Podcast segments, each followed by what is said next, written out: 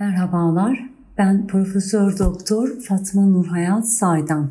Amip denilen mikroorganizma tek hücreli bir canlı ve birçok farklı alt türü mevcut.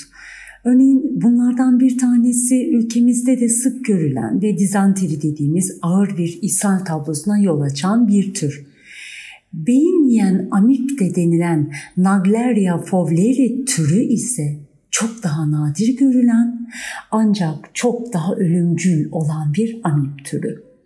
Bu amip türü tek başına yani serbest yaşar. Yani yaşamak için başka bir canlıya ihtiyaç, başka bir canlının içinde olmaya ihtiyaç duymaz. Göl, nehir ya da sıcak kaynak suları gibi ılık ve sıcak sularda özgürce dolaşır. 46 santigrat dereceye kadar sıcak sularda rahatlıkla üreyebilir. Aynı zamanda bu mikroorganizma toprakta da bulunur. Ama deniz ya da okyanus gibi tuzlu sularda yaşayamaz. Suların içindeki bakterileri yiyerek beslenir. Çok ölümcül seyreden bir hastalığa sebep olur.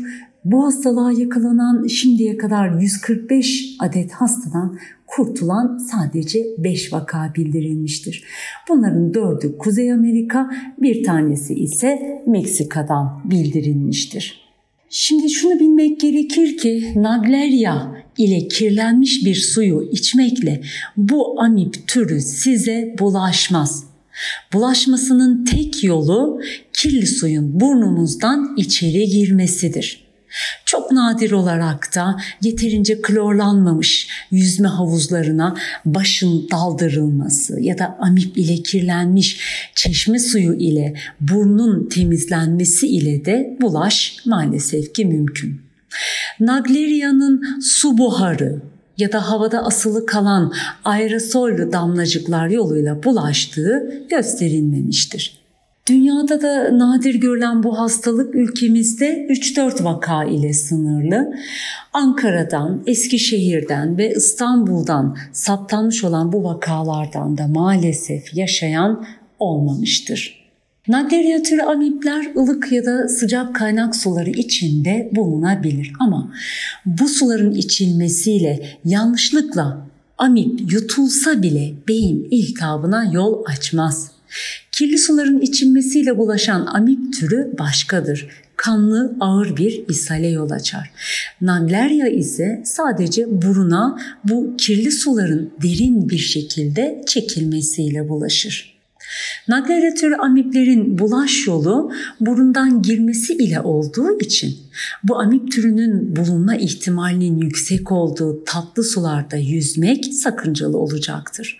Klorlanmamış ya da çok düşük düzeyde klorlanmış yüzme havuzları da aynı derecede risklidir.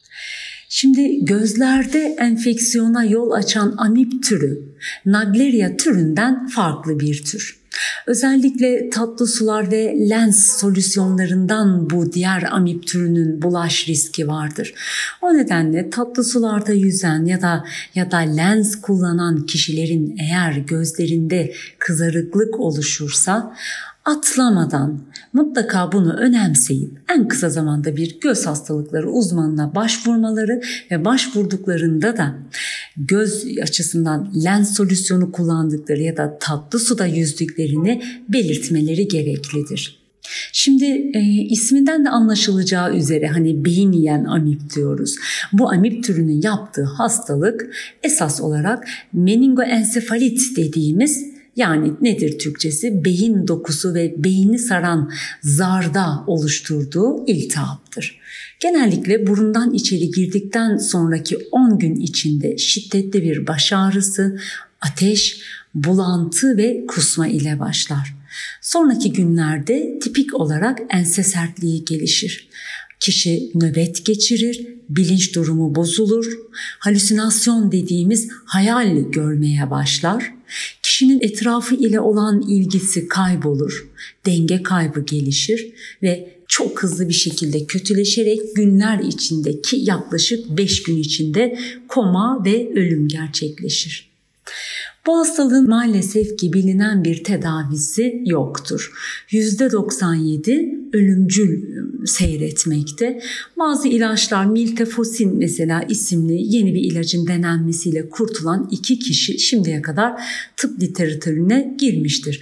Ama bu hastalıkta sadece bir ilaç vermesi yetmez çok ciddi aşırı bir beyin ödemi oluşmaktadır ki bu e, ödem ile bu beyin şişmesi ile baş etmesi gerçekten bu hastalıkta çok zor olmakta. Ve son olarak Naegleria türü amip insandan insana bulaşmamaktadır.